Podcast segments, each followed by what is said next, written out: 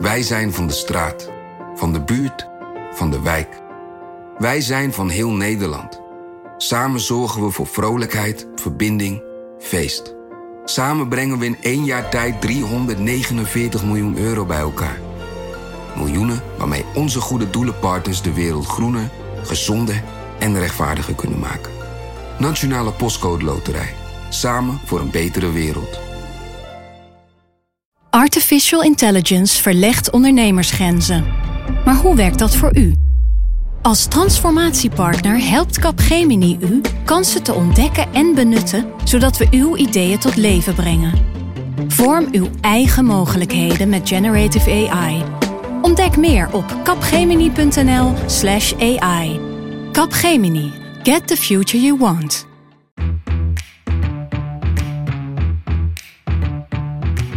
Dit is Haagse Zaken van NRC. Mijn naam is Lemia Harouai. De derde dinsdag van september ken je inmiddels als Prinsjesdag. Dan horen we de plannen van het kabinet om geld uit te geven. De voornemens dus. Maar lukt dat ook altijd? Op de derde woensdag van mei legt de minister van Financiën, nu dus Wopke Hoekstra, daar verantwoording over af.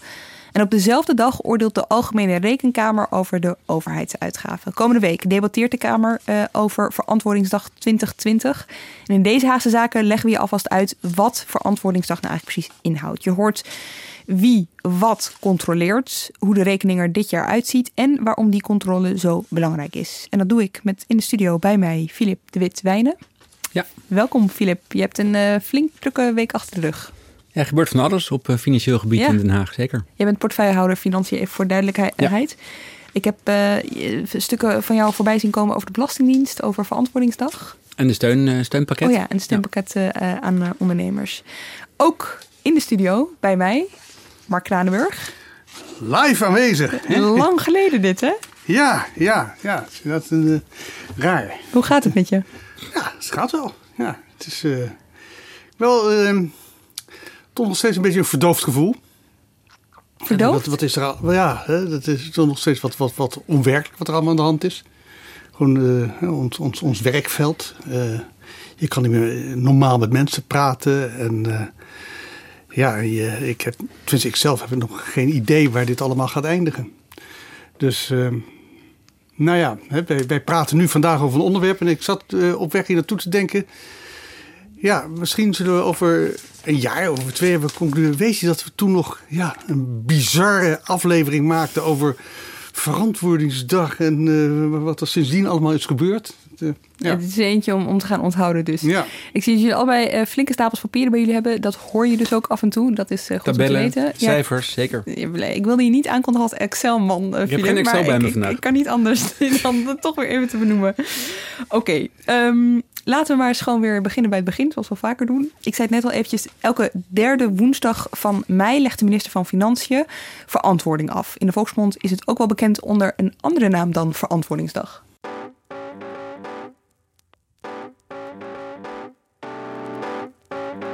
We zijn dus ook blij dat de minister uh, inmiddels uh, de woensdag gehaktdag, uh, zoals mijn collega het ook al noemde, ofwel verantwoordingsdag weer in de wet heeft opgenomen. En hebben we bereikt wat we hadden willen bereiken? Dat is gehaktdag. Elk jaar bij woensdag gehaktdag. Op 15 mei gehaktdag. Presenteert op gehaktdag. Voorzitter, woensdag gehaktdag. Ja, het heet niet gehaktdag omdat er die dag in het kamerrestaurant gehakt wordt uh, geserveerd, hè?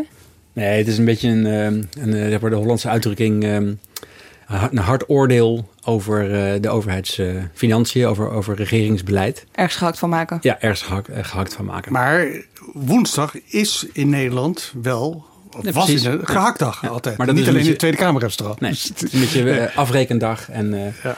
Woensdag was het. Woensdag had je een gehaktbal. Had je gehaktbal, ja. ja. In de jaren 50. Ja. En op vrijdag vis. Ja. Wist je dat, uh, dat Marianne Thieme toen nog Partij voor de Dieren in 2008 er ooit voor heeft gepleit om te stoppen met die naam, gehaktdag? Nee. Uh, en om daar een iets meer plantaardige benaming voor te kiezen. Uh, woensdag uh, aardappelsaladedag. Sojadag of avocado-dag. Maar ja, nee, maar gehakt, hè, dat is natuurlijk ook een beetje de, de, de, de lading die eraan zit. Want ja, waar dan, gehakt wordt, dan worden mensen door de shredder gehaald. Hè? Dan gaan we het merken. Nou ja, uh, hoe dat uh, precies gaat dat mensen er verder halen, laten we hier iets minder beeldend over praten dan dat we nu doen. Um, die verantwoordingsstukken. Um, eigenlijk is dit het einde van een cyclus, toch? Op het ja, het einde van het uh, begrotingsjaar 2019. En uh, in eerste instantie is het de regering via de minister van Financiën die de, de, de jaarrekening opmaakt, mm -hmm. de Rijksrekening. Uh, en dat is gewoon een algemeen financieel verhaal over hoe de inkomsten en uitgaven zijn gelopen. En vervolgens in allerlei deelrapporten uh, de jaarrekeningen van de departementen en de fondsen. Bij elkaar heeft Financiën 25 rapporten woensdag gepresenteerd. En daaroverheen komen nog eens 23 rapporten van de Algemene Rekenkamer, die dan een oordeel velt over die, die jaarrekeningen van het Rijk. Ja, en Hoekstra die presenteert dat dan ook in een koffertje, net zoals dat op uh, Prinsjesdag, ja. uh, in Prinsjesdag gaat. Er staat dan op, is een bruin koffertje en er staat dan op derde woensdag in mei. Uh, het toneelstuk wat hier wordt opgevoerd elke, elke derde woensdag van mei is, bestaat pas sinds 2000. Dus dit was de, de 21ste keer. Dat is ook alweer 20 jaar geleden. Hoor. Ja, het is 20 jaar, nu, 20 jaar geleden en ooit ingevoerd door, um, door toenmalig president van de Rekenkamer Saskia Stuiveling. Maar jij weet nog iets meer van de ontstaansgeschiedenis, Mark? Van de, deze, deze belangrijke dag in het parlementaire, in het parlementaire jaar? Nou ja, het, het was, was inderdaad... De, de Kamer wilde nou eens laten zien... Hè, we willen niet alleen maar vooruitkijken, maar ook terugkijken. Dat was een beetje het idee erachter. Hè, want het is natuurlijk altijd een neiging van politici... om allerlei plannen te presenteren... en daar uh, goede sier mee te maken als die plannen er ook zijn... Maar ja, dan blijkt altijd later dat het eigenlijk uh, ja, plannen waren. Maar wat is er nu werkelijk van mm -hmm. En dat is een, een, een bekend uh, verwijt wat een politici kleeft. Uh, overal. Hè, die kijken naar voren, maar nooit naar achter. En toen is er dus. Uh, ik denk dat we hem hier wel even moeten noemen. Het, het, Tweede Kamerlid Jan van Zijl van de Partij van de Arbeid. Die had er bijna een soort levenstaak van gemaakt. Om, om, daar, om die controle wat, wat, wat beter te doen. Terwijl je, had natuurlijk de rekenkamer altijd. Het idee dat, maar om er toch wat meer ja, cachet aan te geven. En dat zie je onder andere inderdaad ook met, dat, met het koffertje. En dat het dus één speciale dag was, verantwoordingsdag, waarbij dan de, de Kamer. Uh, uh, het kabinet ter verantwoording kon roepen. En, uh, het, is eigenlijk, het is eigenlijk ook gewoon heel logisch. Hè? Want met Prinsjesdag zie je dus inderdaad met veel bombardie... al die departementen juichend zeggen hoeveel miljoenen ja. ze erbij hebben gekregen. Maar wat daar vervolgens mee gebeurt, hoeveel daarvan wordt uitgegeven. Nou ja, je hebt dat potjesproject gehad, ja, Philip, lange tijd. Kom zo nog over te spreken. Ja, precies. Maar wat, ik eigenlijk, wat me eigenlijk opvalt, is dat het eigenlijk in Den Haag heel weinig losmaakt op de dag zelf. Het is geen uh, nou ja, feestelijke dag zoals Prinsjesdag.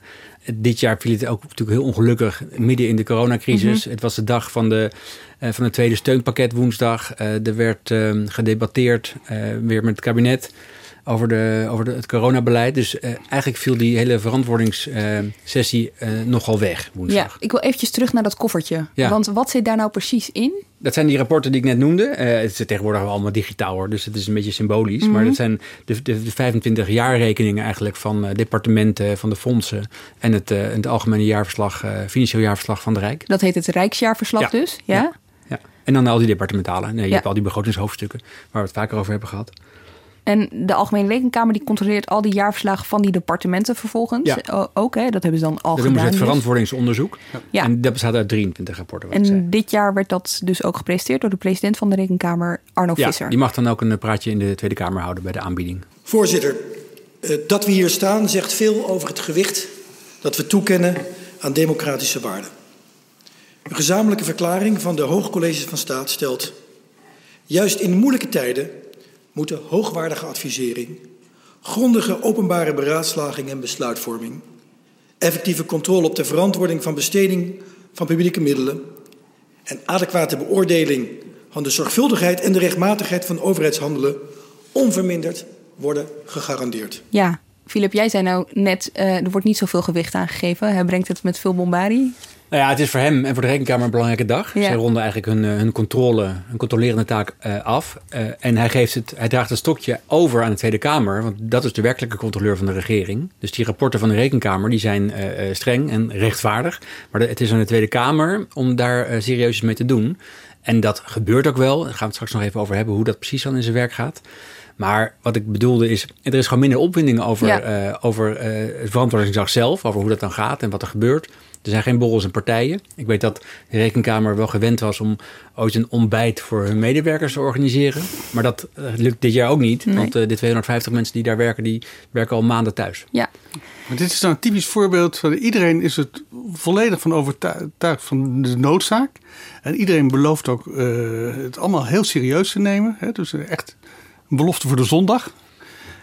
Maar in de praktijk blijkt dan, oh jee, verantwoordingsdag, dat hebben we ook nog. Dat, eh, dat- zo zie je het dan eh, Daar tot wordt- uiting komen. Ja, precies. Op papier heel mooi, maar in, het- Ja, in de praktijk altijd toch iets wat er tussen doorkomt. Oké, eventjes, die rekenkamer die heeft dus al van tevoren ehm, die stukken gekregen. Ja, eh sterker nog, de Rekenkamer is permanent bezig met het controleren van die departementen. Ze zijn nu bezig met het eh, rapport voor volgend jaar, kun je zeggen. Het beleid voor 2020, dat loopt nu. Er zitten ook die coronacrisismaatregelen bij, daar gaan ze nog apart naar kijken.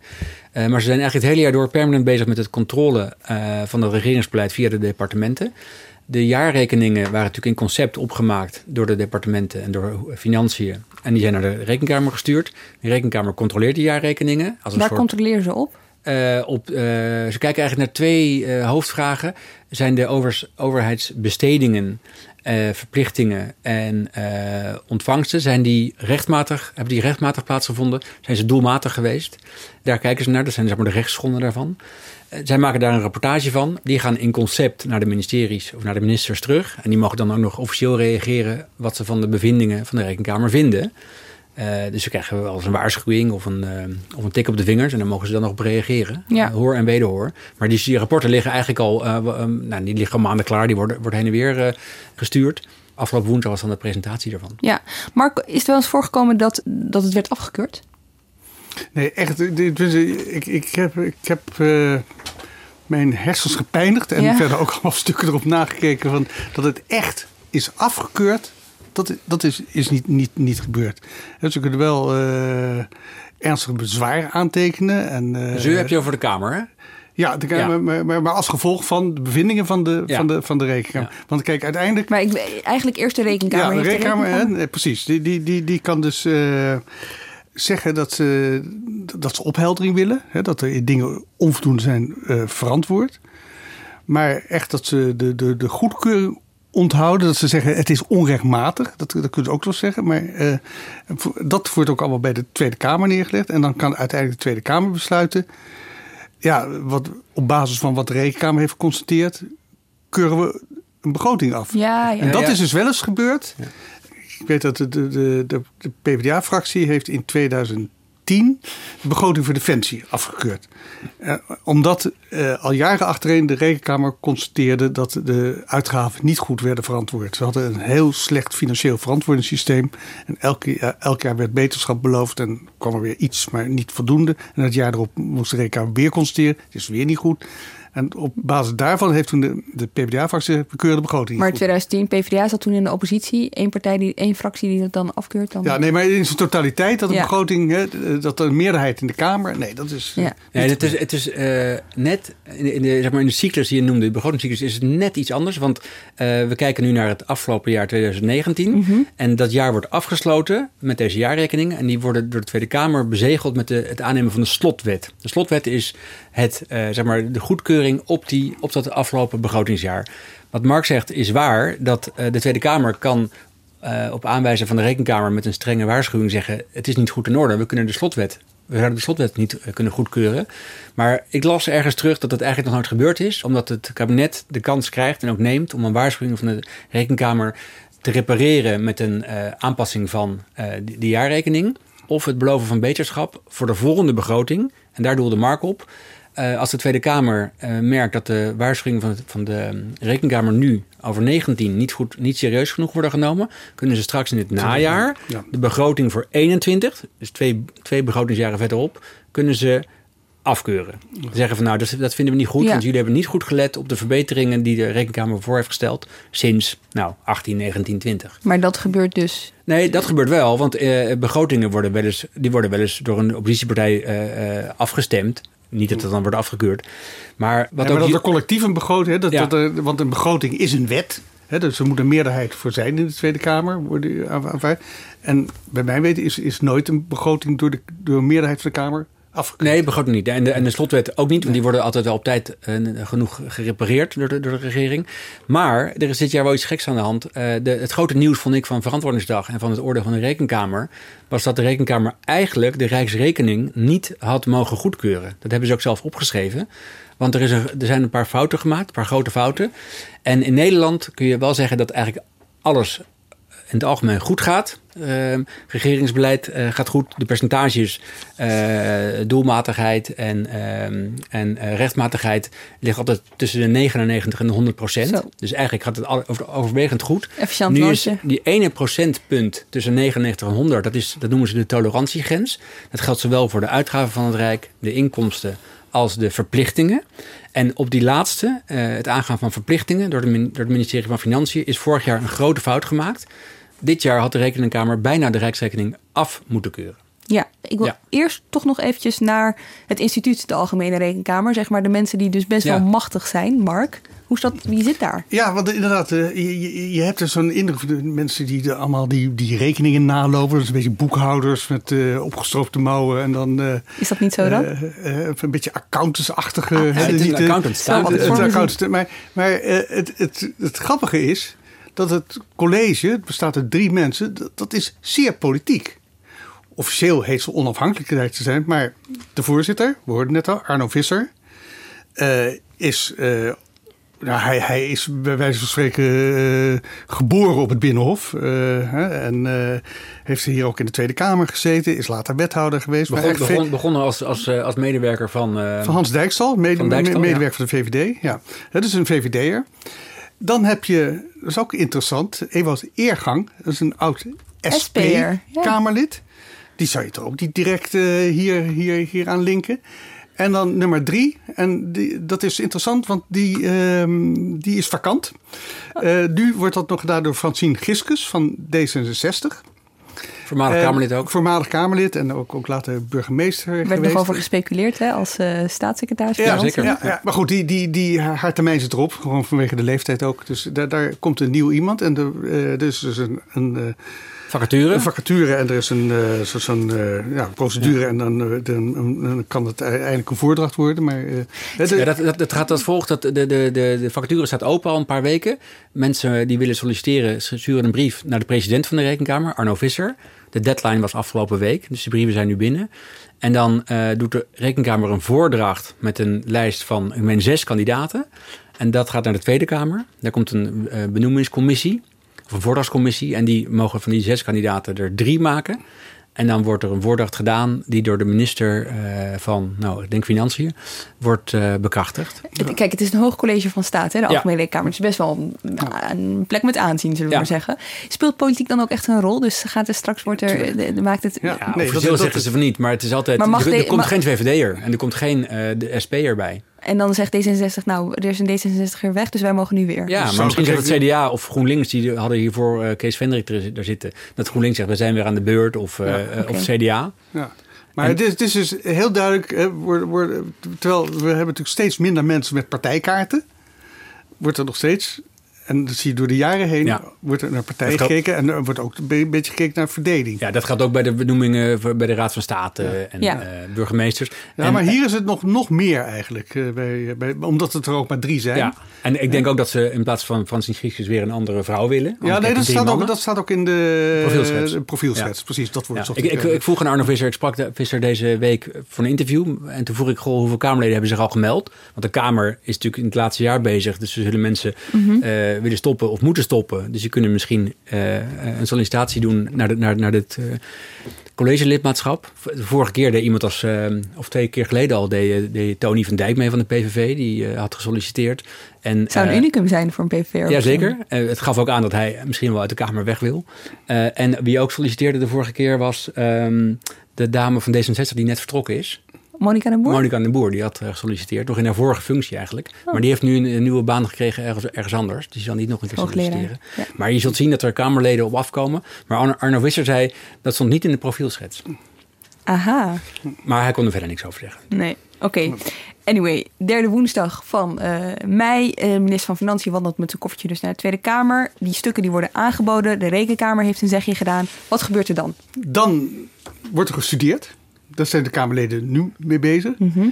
Want eh, dan heb je volgende week, dus eh, woensdag. dinsdag dacht ik. Dinsdag. Ja, dinsdagavond. Sorry. Dinsdagavond. eh, Oké. Dinsdag- Dan, dan, dan is er debat, een eerste debat met de minister. Over, de, ik zal maar zeggen, de, de algemene bevindingen eh, van, van, van, van de rekenkamer. En eh, dan vervolgens, want het zijn allerlei verschillende begrotingen zijn bekeken. Dat gaat dan in commissies de komende weken in de, in de Tweede Kamer. Wordt dat, eh, In de commissie zoals we ze al kennen, buitenlandse zaken. Defensie, Ja, eh, precies, infrastructuur, Ja. et cetera. Hè, dus je hebt het algemeen debat en dan gaat men in commissieverband verder. En het klinkt eh, heel logisch, we hadden het net al eventjes over, weet je wel, om ook terug te kijken naar hoe geld is ehm, uitgegeven in plaats van alleen maar hoe, hoe het, wat de plannen zijn ermee. Maar ik, het verbaast me best wel dat dit allemaal pas begonnen is in het jaar 2000. Nee, dat is niet waar. Want de Rekenkamer controleert op deze manier al, eh, al 200 jaar het regeringsbeleid. Alleen eh, het ritueel van Precies. aanbieden, dat is pas sinds eh, 2000. Om het meer, nou, wat Mark al zei, meer cachet te geven. En die controle van die, eh, die eh, kamercommissies, die is formeel ook al, eh, al, eh, al natuurlijk 100, eh, 100 jaren oud.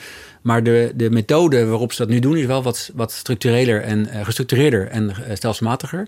Dat is pas een paar jaar. Pas Ja. sinds vijf jaar worden er zogeheten begrotingsrapporteurs op elke, op elke, in elke commissie benoemd. Die nagaan wat er van de beloftes van twee jaar geleden nu terecht is gekomen. Maar, want je had dus, je je noem- noemde het jaar 2000. We hebben eerder al even over, over de Jan van Zijl gesproken. Er, er was een soort reactie in de, in de politiek.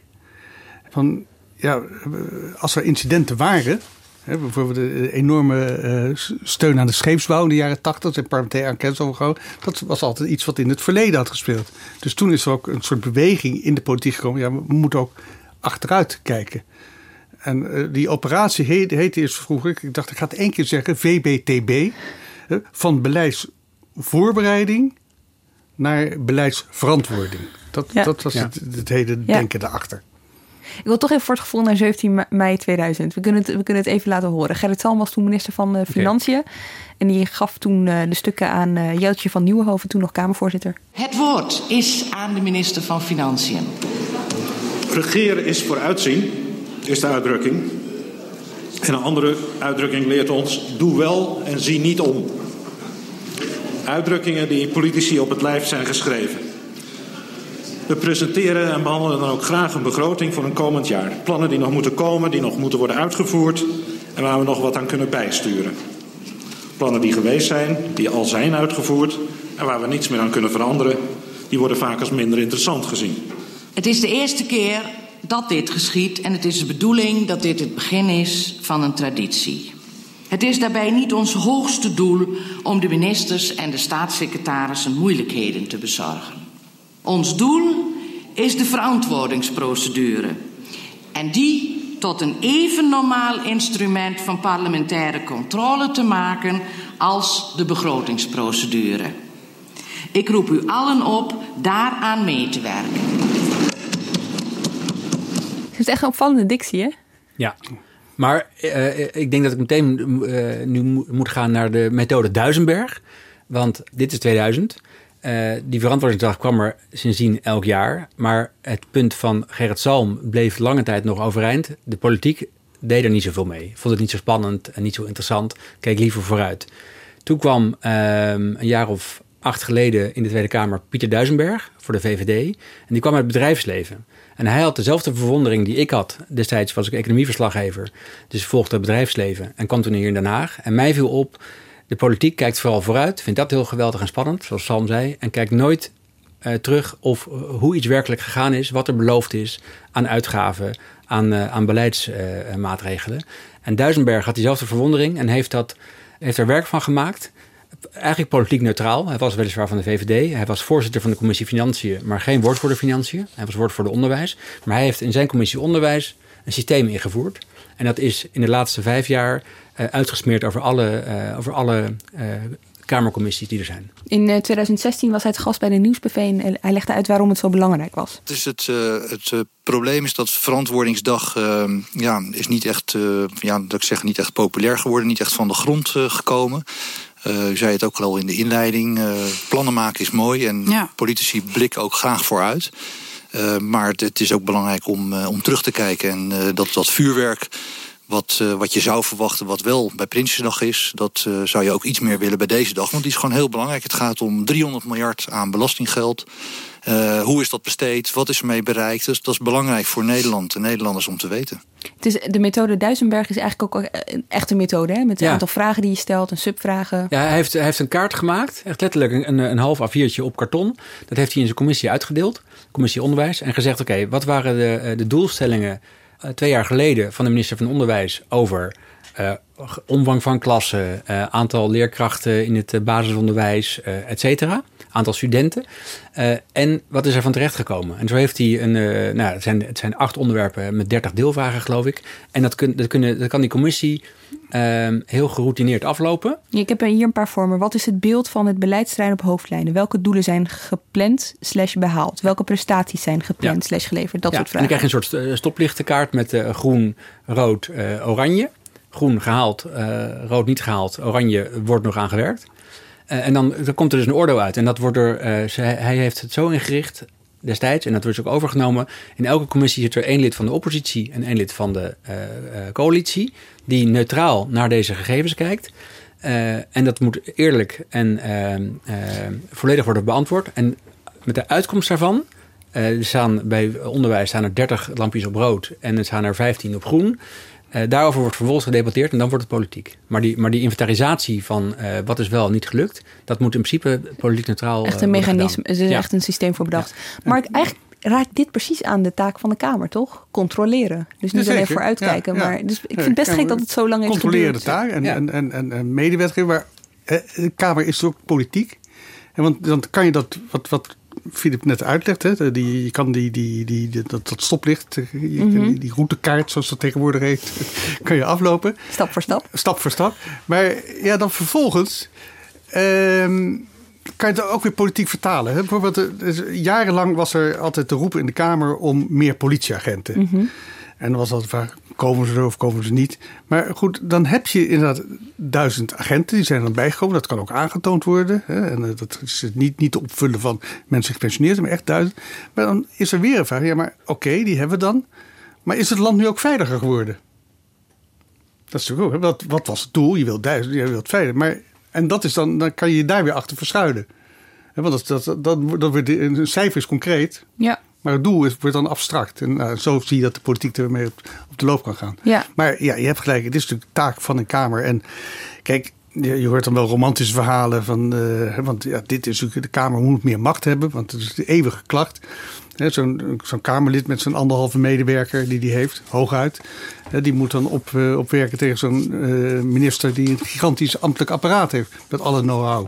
Dus dat heet dan de monopolie van de, van, de, van de kennis. En dan wordt er wel gekeken naar Amerika.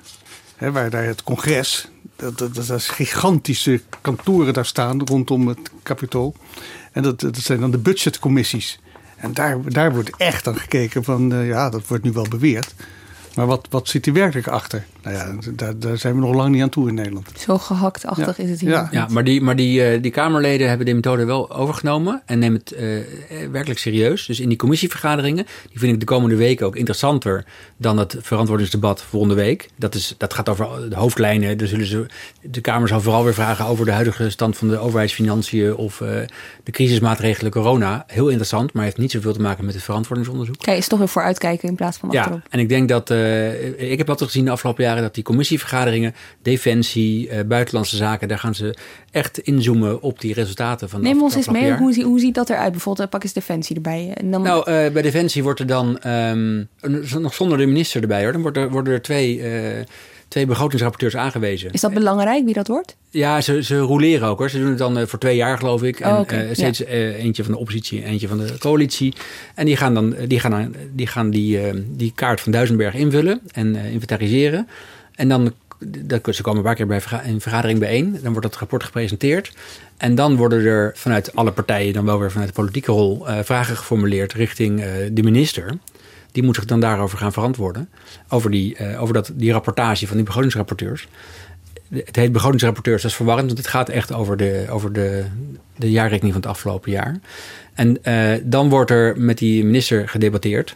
richting, wat ik net al beschreef, uh, die, die slotwet. Het, het, het, zeg maar afsluiten van het begrotingsjaar 2019. Ja, oké, dat is de cyclus. Ja. Nu hebben we het proces over het algemeen ook wel uitgelegd. Ja. Laten we het hebben over dit jaar. Uh, want de derde woensdag van uh, mei, dat was afgelopen week. Ja. Volgende week vergadert de Kamer daar dus over. Maar jij zegt net al, uh, vooral die commissievergaderingen worden interessant de komende tijd. We zitten natuurlijk in een bijzondere situatie. Hè? corona, nou ja, daar hoeven we verder niet meer heel veel over te vertellen. Maar Verantwoordingsdag gaat vooral over vorig jaar. Ja. Hoe heeft Wopke Hoekstra dat gedaan in zijn speech? Want ik kan me voorstellen ja. dat hij toch even bij stil wilde nou, staan. Je, kijk, hij, hij kon ook niet anders zeggen dan de cijfers van vorig jaar waren hartstikke goed. Ja. Lage werkloosheid, uh, overheids, uh, staatsschuld was afgenomen en de, het begrotingstekort was, was toegenomen. Maar hij moest ook meteen zeggen, ja, uh, intussen is het wel veranderd. Hij maakte een grapje. Hij zei, ik kreeg van Wouter Bos, dus een, een van zijn voorgangers, een, een, een appje...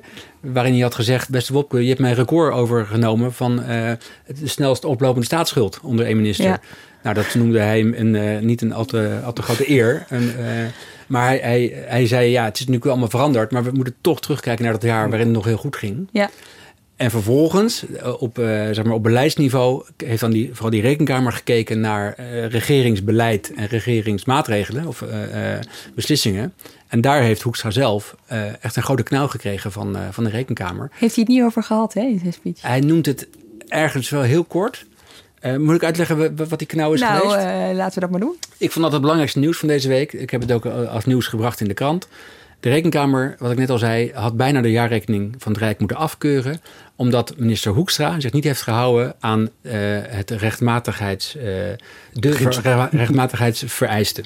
Het, het beginsel de vereisten. Ja. Uh, hij heeft vorig jaar in februari 2019 een aandeel gekocht van 14% in Air France KLM het moederbedrijf van onze uh, nationale uh, trots luchtvaartmaatschappij KLM. Om het publieke belang van Nederland te kunnen waarborgen, heeft de Nederlandse staat besloten om aandeelhouder te worden in de holding Air France KLM. De afgelopen tijd zijn aandelen verworven en inmiddels heeft de Nederlandse staat 12,68 procent in bezit. En de intentie van het kabinet is om dit uit te breiden naar een belang dat gelijkwaardig is aan het belang van de Franse staat. Ja, en daar was hij iets vergeten. Het was een geheime operatie. Dat kan ook niet anders, want het is een, een aandelenbelang wat op de beurs is genoteerd. Dus dat, daar moet je heel, dat is koersgevoelig, daar moet je heel voorzichtig mee omgaan. Maar Hoekstra had niettemin de Tweede Kamer niet alleen moeten informeren over deze aanstaande transactie. Hij was al bezig met het opkopen van aandelen. Uiteindelijk werd het 14 procent. Maar hij had ook toestemming moeten vragen en moeten krijgen vooraf, voordat hij die aandelen ging kopen. Het ging namelijk om een bedrag van uiteindelijk bijna 750 miljoen euro. Dat is best substantieel. Uh, dat heeft hij nagelaten. Hij heeft de Tweede Kamer geïnformeerd in vertrouwen, kort voor de, deze persconferentie uh, van uh, was het 27 februari 2019. Um, maar de rekenkamer zegt hij had meer moeten doen. Hij had niet vrijblijvend uh, vertrouwelijk moeten informeren. Hij had van tevoren ook in vertrouwen toestemming moeten vragen. En ook bij de Eerste Kamer. Het hele parlement had over deze uh, aanstaande uh, grote uitgaven van 750 miljoen, dus een verplichting, had hij toestemming moeten krijgen. Omdat dat het budgetrecht is van de Tweede Kamer en de Eerste Kamer. En dat is hiermee geschonden. Het budgetrecht betekent de Kamer mag meebeslissen over hoe het geld wordt mee, uitgegeven. Meebeslissen, ja. die, moeten, die moeten meebeslissen. Ja. Het is, het, uh, zoals Arno Visser zegt, het belastinggeld uh, is niet van de minister van Financiën, is niet van het, uh, de regering, dat is van de burgers, van ons. En de, die worden vertegenwoordigd in de Tweede en de Eerste Kamer, door de volksvertegenwoordiging. Die hebben het recht om elke uitgave goed te keuren of af te keuren. En hij was hier trouwens een, een gewaarschuwd man. Want we hebben het een keer eerder gehad met, met de financiële crisis toen de staat aandelen kocht in de, in de ABN-bank. Mhm. Mm -hmm. Dat was ook een miljardenoperatie. Dat moest ook overnight. He, dus het is ook buiten uh, de, de, normale goedkeuringsprocedure van de Kamer. Dus een, later een, een parlementair onderzoek geweest. Uh, en die hebben toen ook geconcludeerd dat uh, ja, hier dus het parlement er niet goed bij betrokken was. Ook weer precies hetzelfde. In vertrouwen zijn er wel mensen geïnformeerd er was ook tegelijkertijd werd er, ja, het kon misschien ook niet anders, maar het heeft niet goed gewerkt. En ook, hè, dus in de toekomst zal dat anders moeten. Nou, we hebben het gezien, dus nu bij KLM. Ja, er is zelfs nog de wet op aangepast, hè, de, ja. de, de, de interventiewet. Maar goed, Hoekstra heeft hier uh, niet uh, gedaan wat hij had moeten doen. Maar heeft hij, hoe reageert hij daarop? Nou, um, ik moet nog wel even afmaken. Uh, die omvang van deze transactie, 750 miljoen, was dermate groot... dat de rekenkamer eigenlijk zei... hier is de tolerantiegrens van wat wel en niet kan. Dat is die 1% waar we het net over hadden? Is hier overschreden. Het is niet rechtmatig, dus we hadden eigenlijk de jaarrekening moeten afkeuren. Hebben ze niet gedaan. Waarom? Omdat de Tweede Kamer en de Eerste Kamer nadien, al vrij snel in maart 2019, toch nog die transactie heeft goedgekeurd en de begroting daarop aangepast. Dus het is goed gekomen, maar formeel heeft Hoekstra niet de juiste uh, volgorde bewandeld. Hoekstra heeft uh, tegen de rekenkamer ook wel gedeeltelijk erkend dat het niet zo is gelopen zoals het had moeten lopen, maar had er wel goede redenen voor. Hij had overigens in het algemene rapport van de Rekenkamer een hele merkwaardige opmerking daarover. Uh, het grote nieuws van het Rekenkamerrapport was dat de minister van Financiën een fout heeft gemaakt, namelijk onrechtmatig heeft gehandeld. En wat schrijft Hoekstra in zijn reactie? De minister van Financiën zal het belang van rechtmatige transacties onder de aandacht van zijn collega-ministers brengen.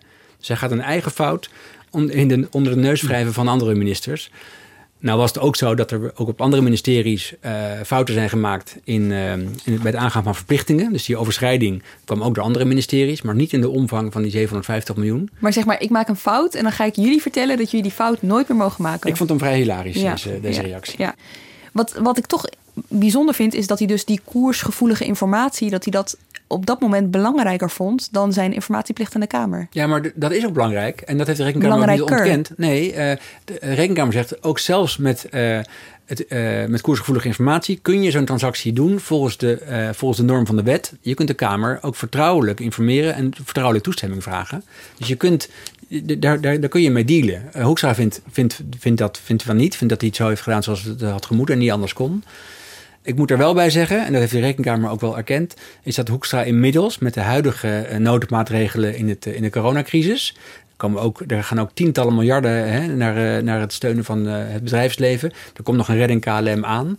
En hierin wordt de Kamer eerste en tweede wel netjes meegenomen. Want voor elke extra uitgave komt er extra begrotingsbeleid. Worden de begrotingen van dit jaar aangepast. En dat gaat wel op die, op die manier. Waardoor Arno Visser kon zeggen uh, woensdag, ook in onze krant de conclusies van de scherpe conclusies van de aandelendeal KLM vorig jaar.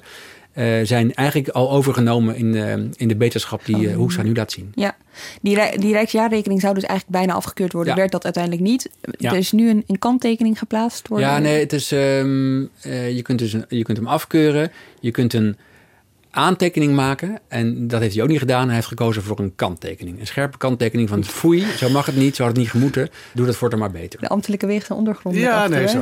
En de taal ook. De taal lukt ja. alle kanten mee op. Hè? Dus het, uh, ja. En uh, wat viel verder nog op dit jaar? Nou, um, de Rekenkamer heeft ook een systeem van uh, wat ik eigenlijk zelf altijd noem gele kaarten. Waarschuwingen voor fouten die zijn gemaakt door, door de regering in, uh, meer specifiek door de ministeries, departementen, dus door de minister. En dat noemen ze onvolkomenheden. Als er fouten worden gemaakt in de, in de, in de bedrijfsvoering of in het nemen van, uh, of het uitgeven van geld of het ophalen van geld, dan kan dat tot een onvolkomenheid leiden. Gewoon een fout die niet goed is en die moet worden verbeterd. En dit jaar, dan moet ik even de tabel erbij halen, uh, heeft de Rekenkamer 47 onvolkomenheden uh, geconstateerd, maar van één ernstige. Maar dat waren er precies evenveel als het jaar daarvoor, in 2018. Dus er is eigenlijk geen verbetering, mm -hmm. maar ook geen verslechtering. In het verleden zijn er ook wel eens uh, 50 onvolkomenheden geweest, maar ook minder. In 2015 waren het er, uh, geloof ik, maar 27. Oh.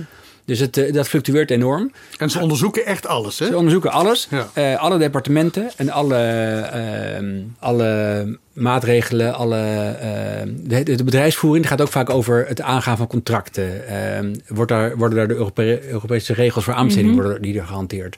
Eh, is er transparantie naar de Kamer over nou ja, of, offertes of over facturen? zijn de ICT-systemen op orde? En wat mij opviel is dat de grootste boosdoener dit jaar is uh, Binnenlandse Zaken en Koninkrijksrelaties. Hmm, dus, dat is vaak uh, Defensie geweest hiervoor, toch? Ja, Defensie is vaak geweest. Meestal ook Financiën. BZK heeft uh, tien uh, waarschuwingen gekregen voor onvolkomenheden. Het zit ook vaak in, in uh, ICT-systemen die. Ik wil zeggen, wat voor, wat voor onvolkomenheden zijn dat nou, dan bijvoorbeeld? Binnenlandse Zaken gaat over heel veel dingen die centraal zijn geregeld voor de overheid. Hè? De Rijksdienst en de, de Algemene Bestuursdienst en ook bepaalde ICT-systemen. Mm -hmm. nou, als daar dan fouten in zitten, dan worden ze snel toegerekend aan Binnenlandse Zaken, BZK. Maar Financiën heeft ook vaak heel veel onvolkomenheden gehad vanwege de Belastingdienst. Dat waren er gemiddeld zeven per jaar, uh, waar ook ernstige bij zaten. Maar dit jaar zag de uh, Rekenkamer, dat is het goede nieuws, verbeteringen bij de Belastingdienst. Dus ondanks de, de heftige toeslagenaffaire die vorig, jaar, die vorig jaar opdook, wat over uh, verleden ging, ja. ziet, de, ziet, de, ziet de Rekenkamer eindelijk wat verbeteringen in de, vooral in de, in de systemen en de controlemechanismes van de, van de Belastingdienst.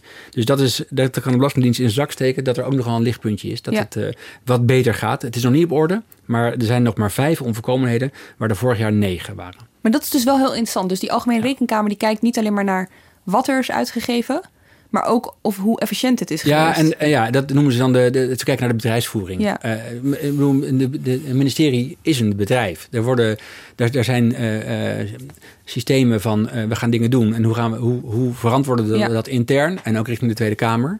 Dus elke stap wordt daar heel nauwkeurig in de gaten gehouden. En een grote, een grote behalve voor Hoekstra met die KLM-deal... is er ook een hele grote waarschuwing uitgegaan richting minister Blok van Buitenlandse Zaken. Wat heeft die gedaan? Dat zal Mark interesseren als, uh, als uh, uh, buitenland redacteur van de, van de krant. Voormalig ja. buitenlandredacteur, maar altijd toch warme belangstelling voor dat, voor dat terrein. Toch. Minister Blok die heeft nog altijd niet de informatiesystemen richting met name de Europese Unie en de NAVO op orde. Die zijn niet veilig. Dat is heel precair in deze tijd van, uh, van hacks en, uh, en, uh, en internetlekken. dus dat is heel kwetsbaar. En dat roept de Rekenkamer al jaren. En de Rekenkamer zegt nu, minister Blok heeft die klacht van ons nooit serieus genomen. Eigenlijk drie jaar een beetje badinerend over gedaan. Hij heeft zelfs een keer in de Tweede Kamer geroepen... ach, als die systemen, die IT-systemen niet goed werken... dan kunnen we nog overgaan op de traditionele communicatiemiddelen... Postduif. met de NAVO, de postduif of de fax. Ja. Dat, dat, dat vond uh, de Rekenkamer eigenlijk een verwerpelijke uh, ontkenning van het probleem. Dus uh, die waarschuwing van de afgelopen jaren is omgezet in een ernstige onvolkomenheid. En dat is echt een behoorlijke tik op de vingers. Wat betekent dat in de praktijk? Want de Rekenkamer kan dat wel zeggen, maar uiteindelijk ligt de macht bij de Tweede Kamer. Gaat de Tweede Kamer gaat er weer mee aan de, aan de, aan de slag. Ja. Dat, uh, maar, ja. En, uh, de Tweede Kamer kan concreet zeggen: Oké, okay, minister Blok, dit is een ernstige waarschuwing. Als u geen verbetering laat zien, belooft en ook laat zien dat dat gebeurt, dan zullen wij in het najaar de begroting voor volgend jaar uh, misschien wel moeten afkeuren. En dan kan hij zijn plannen niet doorzetten zolang de, ja. de, de, de, de boel niet op orde is. En nou heeft in de reactie op deze, uh, deze waarschuwing... heeft minister Blok wel gezegd... heeft het probleem erkend en beterschap beloofd voor het einde van het jaar. Dus dat moet de Tweede Kamer dan maar zien of dat ook zo is gebeurd. Het heeft dus een enorme disciplinerende werking dan. Op zo'n ja. moment als dat wordt het constateert de rekenkamer. Maar hebben ze niet, toch vraag ik me af, hebben ze bij de Algemene Rekenkamer soms niet een beetje een gefrustreerd gevoel? Zo van, dan kom je met een enorm pakket aan waarschuwingen en dat soort dingen. Dan geeft het handen en dan zie je dat de Kamer het op, af en toe oplost. Er is natuurlijk altijd een meerderheid van de coalitie, weet je wel. Dat soort dingen werken natuurlijk ook mee om, het, om misschien een, een, belofte dat het beter is, om dat heel snel te accepteren. Dat het beter gaat worden. Ja, maar dat doen ze zelf ook. Als een minister aantoont, uh, ik werk eraan en ik uh, zorg dat het volgend jaar in orde is, dan doet de rekenkamer ook wel van, oké, okay, dat, is, dat, is dan, uh, dat die we dan even door de vingers, maar moet het volgend jaar wel goed geregeld zijn. En dat monitoren ze dus wel. Ja, en ze zien echt wel ontwikkeling in, in nou, wat ik zei over de Belastingdienst. Daar zijn ze heel kritisch op, maar ze zien verbetering. Dus ze kunnen ze niet zeggen, de Belastingdienst is al helemaal, helemaal top op het niveau zoals het hoort, maar ze kunnen wel zeggen, er is verbetering zichtbaar. En ze zullen ook wel kijken of de Tweede Kamer er wat mee doet. Je noemde het BZK en Financiën als degene die de meeste uh, onvolkomenheden hadden. Wie, wie, doet het het best? Uh, even kijken in dit schema. Algemene Zaken. Rutte, die heeft nul onvolkomenheden. Ja, maar goed. Ja, dat is ook een heel klein wat, departement. Wat geeft hij uit? Nou ja, misschien moet, uh, moet de Rekenkamer iets, iets beter gaan kijken naar de, de manier waarop het Koningshuis wordt gefinancierd. Nou, dat is op zich geen Dat valt onder Rutte. En dat is, uh, hebben we ook deze week in de krant gehad, heel slecht te controleren door zowel de Tweede Kamer als door de, uh, door de, door de, door de pers. Lijkt mij een heel interessant onderwerp voor de Rekenkamer. En kijken of Rutte daar... Uh... Zouden ze dat doen? Ja, waarom niet? Het is er ook een begrotingsaspect uh, uh, van, van belastinggeld. Ja, er is eerder, want dat is natuurlijk al permanent gedoe. Met, met hoe, hoe, schepen worden betaald of paleizen en dergelijke. En zijn, zijn er deelonderzoeken. Ik geloof niet dat de Rekenkamer erbij betrokken was. Dat is meer vanuit het parlement zelf. Dat, maar de Rekenkamer kan dat natuurlijk zelf ook doen. Ja, ik vind, het blijft een groot taboe onderwerp vinden in Den Haag. Ook bij de politiek. Ja, Niemand gek, durft hè? zijn vingers te branden aan het Koningshuis. Maar uh, misschien dat de rekenkamer op een neutrale manier hier naar kan kijken. En kunnen zij dus wel documenten eisen die bijvoorbeeld de Kamer, waarvan het de Kamer of ons met WOPS niet lukt? De rekenkamer hoe, heeft, hoe bevoegd heeft zijn overal toezicht op. En dan zul je misschien hebben dat er, nou ja, staatsgevaarlijke informatie is, Ja. wat in vertrouwen kan worden, worden gedeeld. En dus niet eh, fysiek bij de rekenkamer terechtkomt. Dat, dat kan, ik weet niet hoe dat werkt. Maar om de inboedel van de in koning nou heeft deze, heeft deze controleur, maar de Tweede Kamer ook. Hè, die heeft ook gewoon het grondwettelijk recht op alle informatie uit, eh, uit, van de regering, dus van de ministers. Ja. Ik denk alleen dat, dat, dat de noodtulen en verslagen van de ministerraad zelf eh, geheim zijn over de rekenkamer. ja, voor een bepaalde periode. Ja, ja. Maar niet, ja, het is niet voor de, ze kunnen niet de noodtulen van nu opvragen. Dat denk ik Maar gewoon de, begon- de onderliggende stukken, de begrotingsstukken. Ja. Ja. En voor wie jullie nu hoort en denkt, die commissievergaderingen die wil ik de komende tijd dan ook maar eens gaan volgen. Ik zit toch thuis, hè? ik heb niks anders te doen. Waar, wanneer begint dat? Waar, waar kun je dat allemaal terugvinden? Eh, ik ken het schema niet, maar dat is meestal in de, in de, in de, de maand nu mei en, eh, en juni. En dan Ja. voor de zomer moeten die slotwetten worden, worden behandeld. Want na de zomer is het weer eh, Prinsjesdag. Ja. En dan gaan we weer over het volgend jaar nadenken, over de begroting. En het plenaire debat hierover, hoe, hoe verloopt dat meestal? Nou, t- eh, ko- komende dinsdag, maar dat is, gaat vaak over dan toch weer de lopende zaken. En minder over eh, de cijfers die zo goed waren vo- vorig jaar. Dat is ook niet zo relevant meer. dus, dat, dus de kans is klein dat iemand eh, Hoekstra nog gaat aanvallen op KLM. Nou, ik denk dat juist dat is nou wel interessant, omdat er nu weer een redding van Precies. KLM aan zit te komen. Dus daar zal die verbinding wel worden gelegd. Eh, maar goed, eh, de Kamer moet ook erkennen dat ze wel op tijd zijn geïnformeerd over het voornemen van die redding. Ja. En straks als die redding, als dat plan er komt, of het nou 2 miljard is of 4 miljard, dan zal de Kamer dat eerst moeten eh, toestaan, dat hij die uitgaven mag doen. En ik denk dat, eh, dat, dat dat nog wel even onder de neus Ja, het, is, het, is een, het, is, het is een heel onwezenlijk debat eigenlijk. Hè? Nog meer dan, dan Ja, anders. Want iedereen in de wetenschap. Hè? Want er zijn natuurlijk de afgelopen weken miljarden uitgegeven. Nou, dat is wel, deels is het via het parlement geloof ik. Maar hè, je kan er eh, donder op zeggen. Dat allerlei eh, toekomstige eh rekenkameronderzoeken. De mondkapjes bijvoorbeeld, hè, Ja. de inkoop en dergelijke, hoe dat is gegaan. Hè, dat, daar, daar ligt allemaal materiaal al voor, to- voor toekomstige onderzoeken, denk ik. Voor die van Ja. volgend jaar wordt eigenlijk nog interessanter. Ja, nog, nog één ding, hè? dat dit in het leven is geroepen. Heeft dat ook een, ehm, heeft dat, is dat van invloed geweest op hoe departementen zijn gaan werken? Dus dat er zo nadrukkelijk en openbaar teruggekeken wordt, hoewel de aandacht er inderdaad veel minder voor is dan tijdens Prinsjesdag, maar dat, er, hè, dat het echt een moment is, zo'n verantwoordingsdag. Heeft dat ministeries gedwongen tot efficiënter geld uitgeven of tot dat ze weten dat ze dus ik, ik denk dat wel. Ik denk dat er, dat er hele afdelingen zijn op het ministerie die, er, eh, die, er, eh, die belast is met het eh, geven van informatie aan de rekenkamer. Die zullen daar het hele jaar mee bezig zijn. Ik Dus wel, dat denk ik wel. denk het ook. En de- wat dat betreft eh, heeft het de, de, de interne werking van dit soort dingen is, is enorm. Kijk, en wat dat betreft zijn- wij als, als journalisten eigenlijk meer zelfs als politici zijn ook geneigd om naar de toekomst te kijken. Hoewel aan de andere kant, hè, die steeds grotere onderzoeksafdelingen van, van, van, van, van kranten en, en radio en tv, die houden zich bij uitzet bij dit soort onderwerpen bezig. Van hoe is dat zo misgegaan? Hè, want het zijn natuurlijk prachtige case studies stuk voor stuk. En, en eh, eh, ik heb nog een aardig voorbeeld van waar de rekenkamer zo al naar kijkt. De grote dingen, uiteraard. De Belastingdienst, een grote, eh, een grote redding van, of een grote aandelenbelang in KLM. Allemaal hele grote dingen voor groot geld. Maar er kwam ook een persbericht over het ministerie van Infrastructuur en Waterstaat. Waarin de rekenkamer heeft gekeken naar de uitgaven van 26 miljoen euro. Bedoeld voor 16 fietspaden. En dat zijn dan snelfietspaden waar fietsers sneller eh, kunnen fietsen en veiliger kunnen fietsen. En dat is bedoeld geweest om eh, automobilisten te laten overstappen naar de fiets voor het woon-werkverkeer. En hebben ze geconstateerd dat het fietspad Urenterp Drachten, dat daar het streefgetal van ehm 1 tot 4 procent overstappers automobilisten op fiets, is daar niet gelukt. Zo gedetailleerd, met een, met een kaart erbij, met, met de 16 fietspaden door het hele land. Eh, dat is ook door de rekenkamer eh, bestudeerd. Maar dat was voordat, eh, voordat Rutte de scholieren opriep om allemaal te gaan fietsen. Dus dat gaat, volgend jaar wordt dat gehaald. Wat leven we toch in een prachtig land dat zelfs dit zo op het getal wordt eh, bijgehouden. Dank jullie wel, Filip de Wit, Wijnen en Mark Kranenburg. Jij bedankt voor het luisteren. Laat ook eens een recensie achter op iTunes of laat ons bijvoorbeeld via Twitter weten wat je van deze aflevering vond. Vinden we altijd leuk om te lezen. Redactie en productie van deze aflevering in handen van Iris Verhulstonk. Volgende week zijn we er natuurlijk weer. Abonneer je op Haagse Zaken en we verschijnen vanzelf in je fiets. Tot volgende week.